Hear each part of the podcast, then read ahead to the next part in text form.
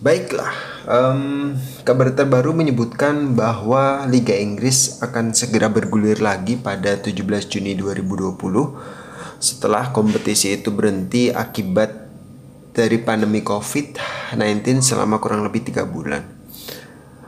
Uh, walaupun muncul wacana untuk menganulir bahwa Liga Inggris ini akan berlanjut akibat dari pandemi COVID yang masih mengkhawatirkan namun uh, belakangan jumlah pertambahan kasus positifnya juga mulai mulai menurun, maka kemudian kelihatannya pemerintah Inggris akan memberikan lampu hijau untuk melanjutkan kompetisi. Hanya saja kompetisinya pasti akan menerapkan beberapa protokol-protokol untuk keselamatan semua pihak.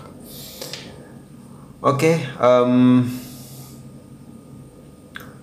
yang pasti gue tidak akan membahas dari segi strategi dan lain sebagainya bagaimana pola permainannya karena itu bukan bidang gue gue mau coba membahas tentang pemain-pemain yang sebelum rehat uh, banyak cedera cederanya apa saja lalu kemudian gue coba bahas dan pertajam satu persatu. Oke. Okay. terima kasih Gua ingin mencoba uh, membahas pemain-pemain um, dari Premier League yang cederanya dalam um, beberapa waktu belakangan ini didominasi oleh uh, cedera dari cruciatum ligamen. Nah, kalau lo belum tahu cruciatum, lo bisa search di Google apa itu cruciatum ligamen. Cruciatum itu dalam bahasa awamnya itu berarti menyilang berasal dari kata cross. Ligamen itu seperti tali pengikat sendi biar sendi lu nggak terpisah. Antara sendi lu tutup biar sendi lu nggak terpisah antara atas dan bawahnya. Jadi um, banyak banget pemain yang kena cedera uh, cruciatum ligamen ini. Nah um, cedera ini pun juga banyak membunuh dalam tanda kutip karir pemain-pemain bola sehingga mereka nggak bisa perform lagi. Bisa sembuh tapi mereka untuk kembali lagi ke perform perform perform sebelumnya itu agak sedikit kesulitan gitu. Maka um, gue mau mencoba membahas uh, pemain uh, Premier League siapa saja yang kena cruciatum ligamen dan bagaimana mereka berjuang dan mereka melakukan pemulihan jadi apa saja mereka lakukan lalu um, bagaimana cedera itu bisa kena ke mereka lalu uh, eh, gue membahas bagaimana supaya cedera ini biar bisa cepat uh, kembali dan kalian bisa kembali ke performa yang optimal sebelum kali sebelum uh, seorang pemain bola cedera. Pertama, gue mau membahas uh, cedera dari cedera cruciatum dari pemain Leicester City yang namanya Ricardo Pereira. Uh, kemungkinan dia kembali pada bulan Agustus.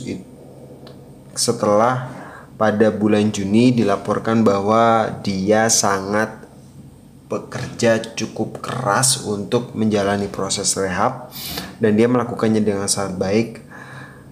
Um, dan diharapkan kembali juga di bulan Agustus seperti itu lalu um,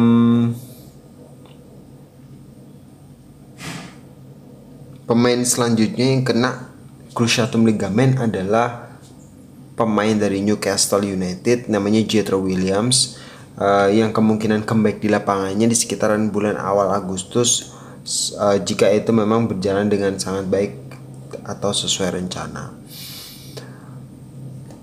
Kemudian selanjutnya itu Callum Kimbers um, yang cedera saat pertandingan melawan Chelsea, lalu dia menderita cedera di uh, cruciatum anterior cruciatum pada lutut kiri. Jadi untuk informasi aja, si cruciatum ini ada ada dua di lutut lu itu ada dua ligamen, dua pengikat itu yang namanya sisi depan dan sisi belakang. Sisi depannya namanya anterior cruciatum ligamen, namanya ACL di sisi belakangnya posterior cruciatum ligamen atau namanya PCL.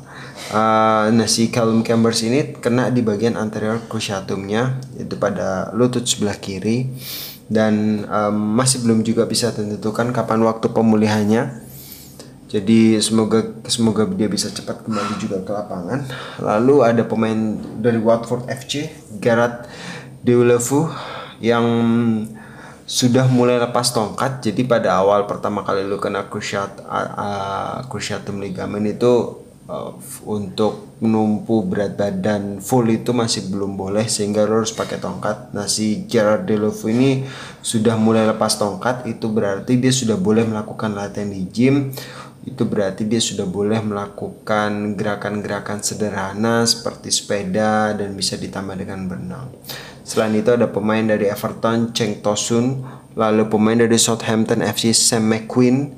Um, menjadi pertanyaan kemudian bagaimana orang bisa kena cruciatum ligamen ini sangat gampang sekali.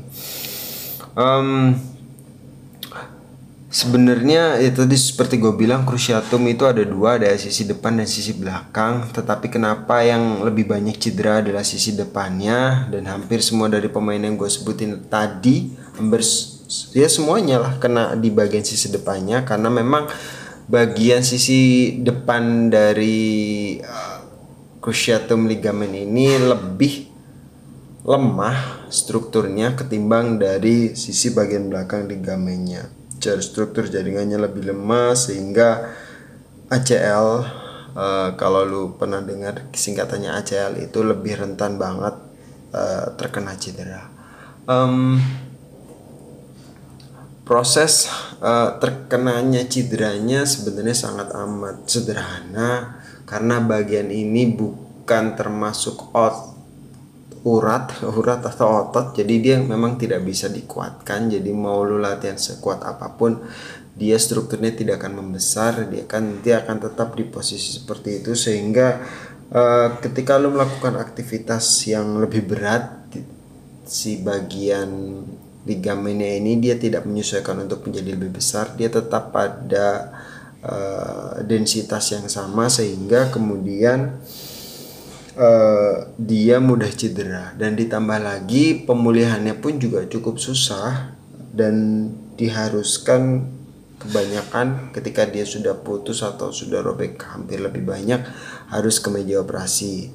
Si ligamen ini dia tidak dapat memulihkan dirinya sendiri karena dia bukanlah salah satu bagian yang dilewatin oleh aliran pembuluh darah.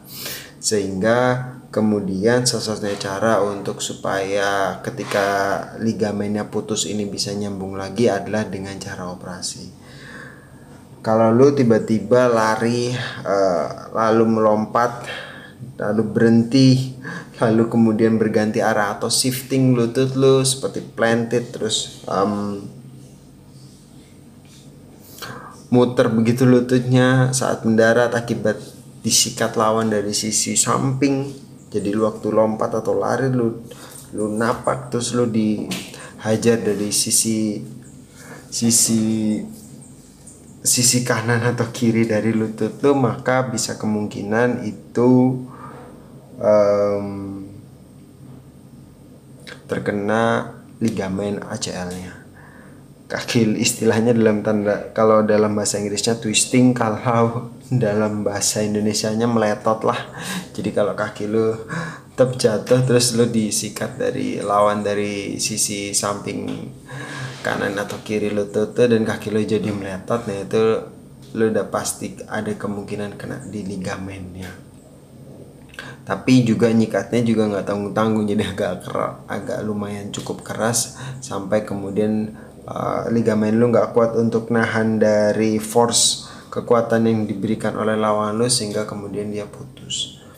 Nah, ketika dia putus, um, biasanya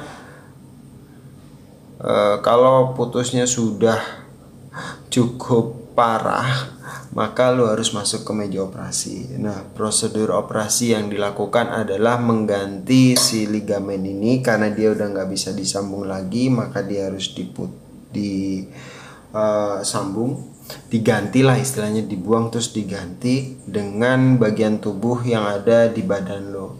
Nah, bagian tubuhnya adalah mengiris tendon atau ujung otot atau istilahnya urat bahasa awamnya gitu um, untuk ditempel pada bagian lutut lu atau didonorkan pada bagian lutut lu untuk menggantikan peran dari ACL. Jadi um, diperbantukan lah istilahnya begitu. Jadi ototnya biasanya ngambilnya dari otot paha belakang atau nama kerennya adalah hamstring. Jadi otot tendon uh, hamstring lu diambil tidak terlalu banyak lalu kemudian didonorkan untuk menjadi ACL. Nah, berapa ram berapa, berapa lama eh, rata-rata uh, waktu pemulihannya? Um,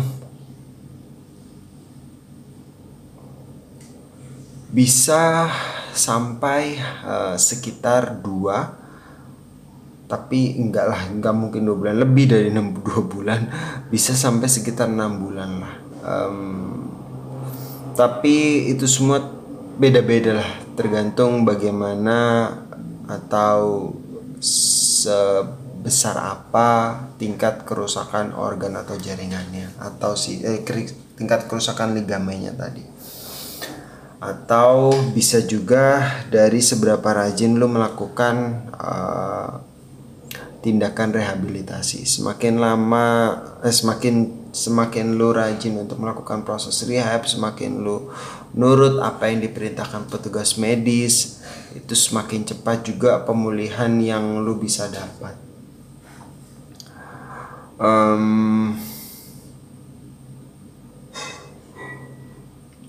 juga termasuk dari nutrisi yang lu makan dan beberapa obat-obatan yang harus lu konsumsi.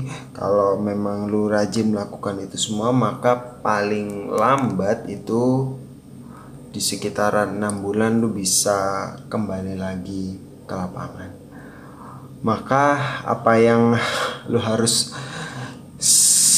segera apa yang harus lakukan supaya segera mungkin dapat kembali ke lapangan ya adalah ya salah satunya uh, bersama petugas medis um, dengan berbagai alat yang dipakai untuk menunjang pemulihan supaya pemulihannya lebih cepat dan itu lu juga harus menjalankan protapnya dengan benar. Jadi nggak bisa langsung tiba-tiba ketika lu masih pakai tongkat lalu tiba-tiba lu mau melakukan aktivitas-aktivitas yang bisa bilang tidak sesuai dengan kondisi lu sekarang.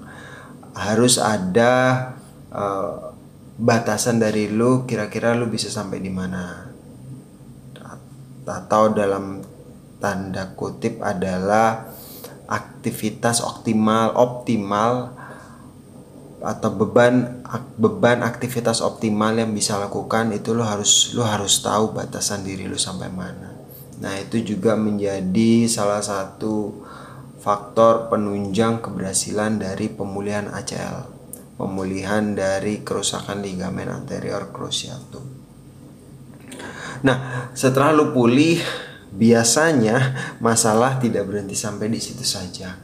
Kadang pemain ketika dia pulih, ACL-nya sudah mulai uh, berfungsi dengan benar, tiba-tiba lu merasakan seperti adanya rasa ketakutan akan cedera yang berulang uh, ada rasa tidak nyaman karena pasti ada bagian dari lutut lo yang sudah diganti kemudian dipasang dengan sesuatu yang baru.